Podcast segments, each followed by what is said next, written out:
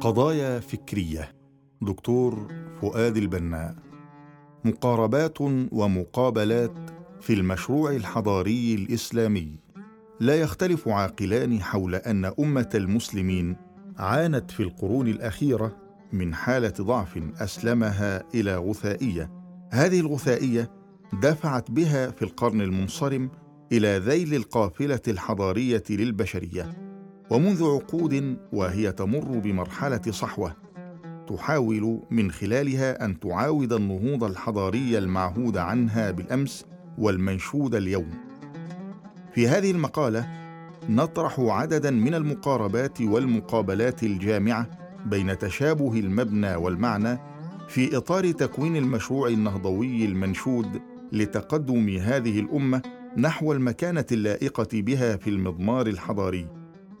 وتتكون المقالة من ثلاثة عناوين. امتلاك النظارة الفكرية المناسبة. حتى يغادر المشروع الحضاري الإسلامي مربع الصحوة العاطفية إلى ساحة النهوض العقلاني يتوجب عليه أن يمتلك النظارة الفكرية المناسبة التي تجعله يدرك الفروق بين الألوان ويستطيع الفرز في الأشياء المتقاربة في الشكل المختلفة في المعنى حتى تكون تحركاته سديدة وقراراته رشيدة ولا سيما في الموقف من الاجتهاد ومن التعدد ومن الآخر الحضاري. في إطار الاجتهاد ينبغي أن يفرق بين نفحات العقل ونفحات الهوى بين منحة التفكير العقلاني المنضبط بالحقائق الشرعية أي المقاصد وبالحقائق الكونية أي السنن والنواميس والمفضي إلى التجديد وبين محنة إطلاق العنان للهوى المجرد من كل ضابط والمنفلت من عقال اللغة والأصول والموصل إلى التبديد. ينبغي التفريق بين السدود المانعة للعقل من أي تفكير وبين الحدود الضابطة لطاقته في النظر والفكر والتجديد حتى يخلو من الأهواء ويتطهر من الشهوات ويتخلص من الشطحات وبحيث يتركز جهده في عالم الشهادة دون عالم الغيب. ويجدر به أن يفرق بين نعمة النص المقدس ونقمة التقليد للاجتهادات البشرية الغابرة التي أكل الدهر على أكثرها وشرب حتى لم تعد تسمن ولا تغني من جوع التخلف المعاصر. فالدين تنزيل إلهي أي مطلق. أما التدين فهو كسب بشري أي نسبي. وينبغي التفريق بين الالتزام والتزمت. فالالتزام مفروض والتزمت مرفوض. مع أن الفرق بينهما في المبنى قد يبدو بسيطا لكنه كبير جدا في المعنى. وفي إطار التعدد الإسلامي ينبغي التفريق بين تعدد الآراء وتعدد الرايات. بين تعدد البرامج وتعدد المناهج بين تعدد التكامل وتعدد التآكل. فالأول ينتمي إلى منطقة المتغيرات وهو تعدد سائغ وممدوح. أما الآخر فهو تعدد في منطقة الثوابت وهو من التفرق المذموم. إن التعدد في منطقة الثوابت مرفوض لأنه يشيع ثقافة التباين. ويشيع ثقافة التعاون ولأنه يوزع أسباب الاختلاف ويقضي على أواصر الائتلاف. وفي إطار التعامل مع الآخر الحضاري وعلى رأسه الغرب الذي يقود القافلة الحضارية للبشرية جمعاء في هذا العصر ينبغي للمشروع الإسلامي أن يفرق بين التفاعل الحضاري والغزو الثقافي بين اقتباس التكنولوجيا واستيراد الأيديولوجيا بين التسامح والتخاذل.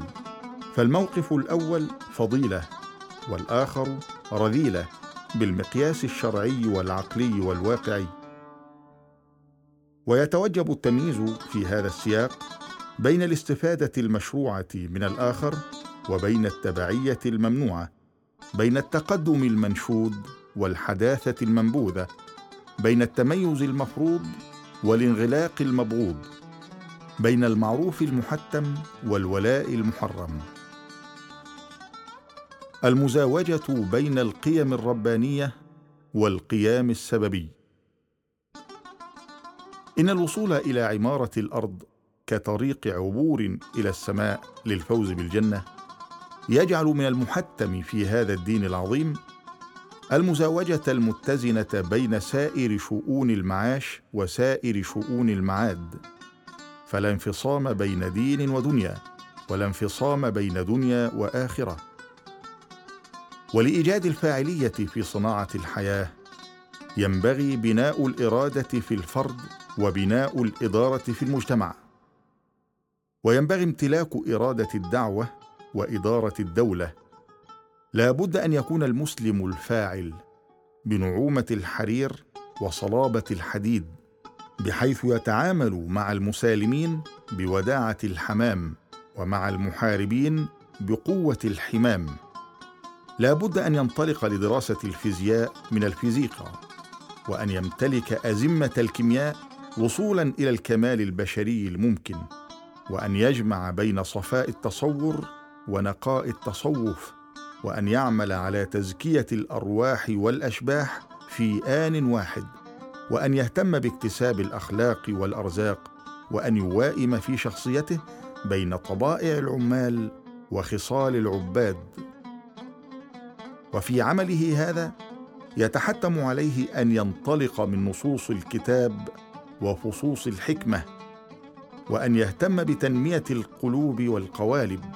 وأن يلتزم بالسنن النبوية والسنن الكونية وأن يعيش دوما في بحبوحة تجمع بين ثروة الأفكار وثورة الأذكار بين رفرفة الروح واستقامة الجوارح بين إقامة الصلاة للخالق وإدامة الصلاة مع الخلق بين تجميل المباني وتحسين المعاني. المؤمن الفاعل هو الذي ينطلق للأعمال من العلوم ويستطيع ضبط الأفعال وفق إيقاعات الأفكار. يجمع في تكوينه بين إتقان فقه الأولويات وإتقان صناعة الآلات يوائم بين الثقافة والتقانة لا تمر محطة حياتية دون أن يتزود منها حتى ولو كانت الأفراح والأطراح. المؤمن الحق يزاوج بين النقل والعقل. ولذلك يمتلك بوصله الفكر الرشيد والفعل السديد ويوائم بين متطلبات العقل والأكل بين التزود من الشعائر والشطائر. يهتم بإيجاد الأمن النفسي عبر الإيمان العميق والأمن الحسي عبر العمل الدقيق. ويهتم بتمتين الضمائر والعمائر وبتنظيم المشاعر وتوحيد العشائر. وكذلك بإشعال المصابيح سواء كانت مصابيح الهداية أو مصابيح الإنارة لأن فقهه يمنحه القدرة على تفعيل الشرع في الشوارع. المؤمن الحق يتميز بالفاعلية في التفاعل الخلاق مع الأيديولوجيا والتكنولوجيا. ولذلك تجده في معركة تهذيب النفس كما تجده في معركة تكرير النفط. فهو لا يمل من تصفية نفسه من الشوائب كما لا يكل من تصفية النفط من مشتقاته. تجده حاضرا في مجال التربية العقلية وفي سياق التعبئة العاطفية.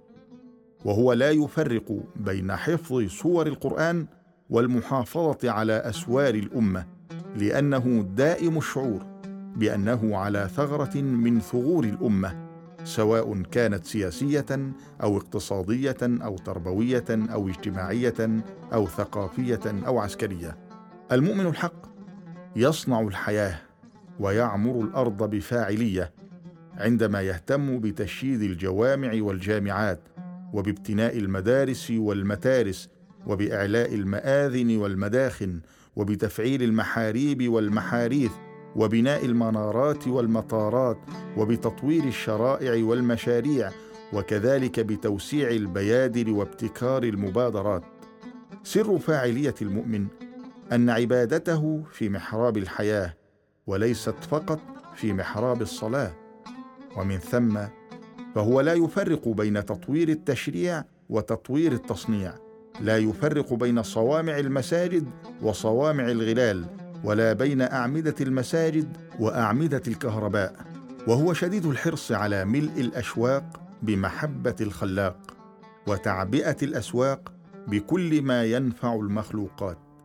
وكما أن المؤمن شديد المحافظة على أوراده الروحية فهو شديد المحافظة كذلك على أوردته الجسمية حيث تتعانق الروح مع الجسم ويتوحد المبنى مع المعنى فلا مجال لدهون الغفلة وكوليسترول الرتابة في حياته وإذا حضرت فإنه يذوبها بالتذكر والاستغفار. والمؤمن الحق يعتز بلغة القرآن ولهذا فإنه يحافظ على القواعد النحوية من الغزو الثقافي كما يحافظ على القواعد العسكرية من الغزو الحربي ويجتهد في تطوير المشتقات اللغوية كاجتهاده في تطوير المشتقات النفطية وينظر إلى النحاة كما ينظر إلى الدعاة لأن اللغة هي إحدى روافع أي أمة نحو الأوج الحضاري. فكيف بلغة القرآن؟ المؤمن الحق هو لبنة متينة في الجدار الحضاري لأمته لأنه مهتم ومهموم بكل ما يوصل هذه الأمة إلى المعراج الحضاري من روافع وقنوات. بما في ذلك القنوات المائية التي توزع الحياة إلى الأرض اليباب والقنوات الفضائية التي توصل صوت الإسلام إلى كل بيت في هذه المعمورة حتى تتحقق نبوءة المصطفى صلى الله عليه وسلم في هذا المضمار. وقبل ذلك القنوات الروحية التي تحمل دعوات المؤمن إلى سدرة المنتهى في لمح البصر. وهو مهتم ببناء السفن التي ترتاد هذه القنوات سواء كانت السفن البحرية أو السفن الفضائية. فلا يفرق بينها وبين سفن النجاة من عذاب الله ولا يفرق في هذا المضمار بين بناء حاملات الطائرات وبناء الطيارين إلى الله الذين يعرضون إليه بفضل جناحي العلم والإخلاص. ولا يفرق كذلك بين صناعة الصواريخ العابرة للقارات والسهام العابرة للسماوات ولا يفتأ يعمل باجتهاد من أجل إتقان قواعد الإطلاق لهذه الصواريخ وإصلاح قلوب الإطلاق لتلك السهام. تعبيد طريق النهوض الشامل من أجل الوصول إلى ذروة التقدم الحضاري. لا بد من تعبيد الطريق إلى القمة بمجموعة من الأسباب والمقدمات الضرورية لذلك وهي من المتن العبادي وليست من الهامش.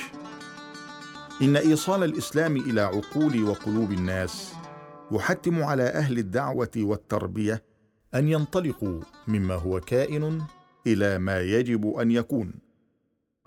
مع ما يقتضي ذلك من إبراز التيسير واستبعاد التعسير ومن تقديم التبشير على حساب التنفير وتقديم الأمر بالمعروف على النهي عن المنكر والحرص في هذا السياق على إشاعة ثقافة التناصح والابتعاد عن أساليب التفاضح وأن يظل الناصحون دعاة لا قضاة بحيث يتعاملون مع الناس بحرص وتسامح يليق بالدعاة لا بالصرامة والحدية التي تليق بالقضاة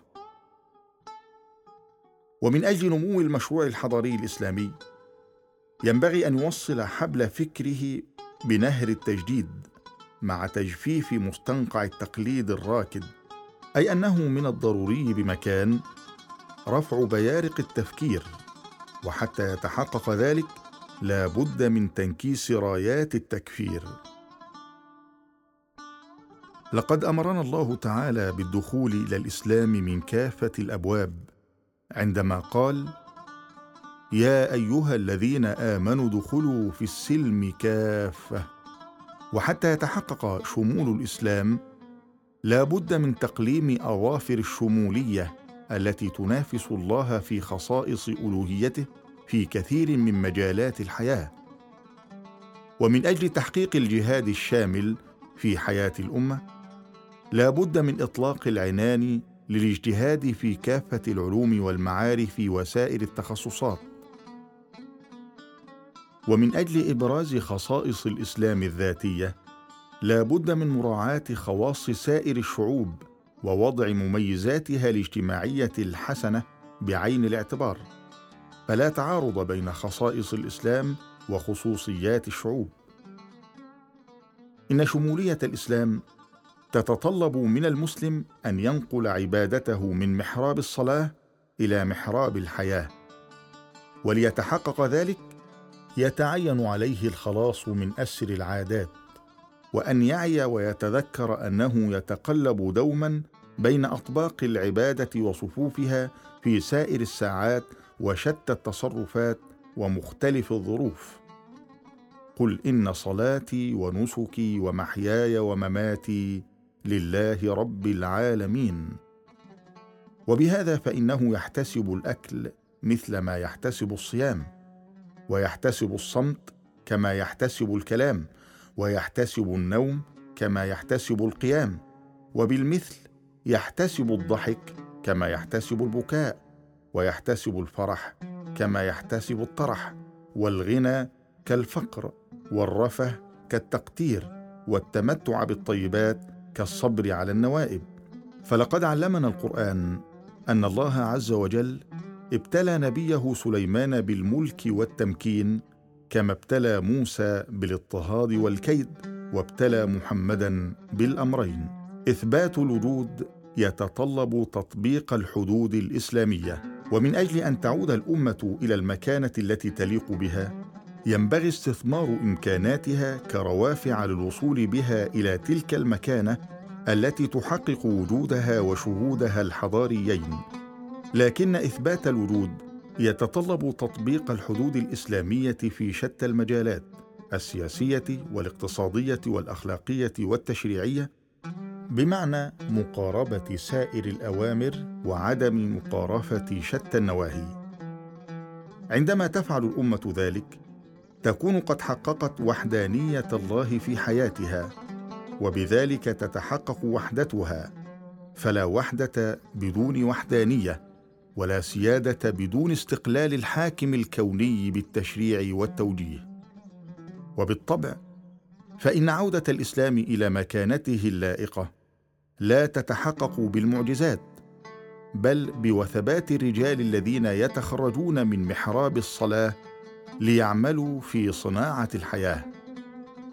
وهؤلاء هم الفوارس الذين يتوجب استخلاصهم بمحاربة الفيروسات التي تسرق الرجوله تاركة الأفراد مجرد ذكور. ومن أجل إقامة الدولة التي تحتكم إلى الإسلام وتحكم به لا بد من تقوية صروح الدعوة التي يحسن أبناؤها فقه الإسلام ويجيدون تجسيده في حياتهم ويتقنون عرضه بسلوكياتهم. فإن إقامة دولة الله في القلوب والأعمال أكبر ضمانة لإقامة دولة الله في حياة الناس. ولا يستطيع أي مجتمع أن يبني مداميك قوية للتنمية ما لم يتخلص من التعمية التي يمارسها الاستبداد سواء كان فكريا أو سياسيا. وسواء انتمى أصحابه إلى السلطة الدينية أو إلى السلطة الزمنية. ولا ينبغي أن ينسى أحد في هذا السياق أن امتلاك الحقيقة المطلقة من حق الله وحده.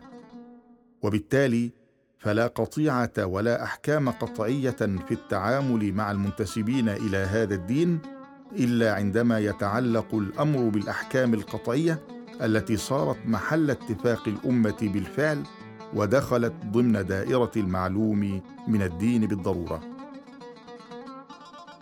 وفي الأخير لا يصح نسيان المآل عند تجميع المال وينبغي الحذر من السقوط من علياء عمارة الأرض إلى هاوية عبادة الدنيا والحذر من الانزلاق من قمة التعامل الظاهري مع الناس إلى وهدة الرؤية السطحية التي تدرك الشكل دون المضمون وتركز على الاسم دون المسمى. وعند قراءة الأحداث لا ينبغي الخلط بين الحذر وبين التفسير التآمري مع إدراك خطورة القفز من التفسير إلى التبرير وخطورة الانغماس في الآن على حساب الآتي أو الالتفات عن الحاضر إلى الماضي.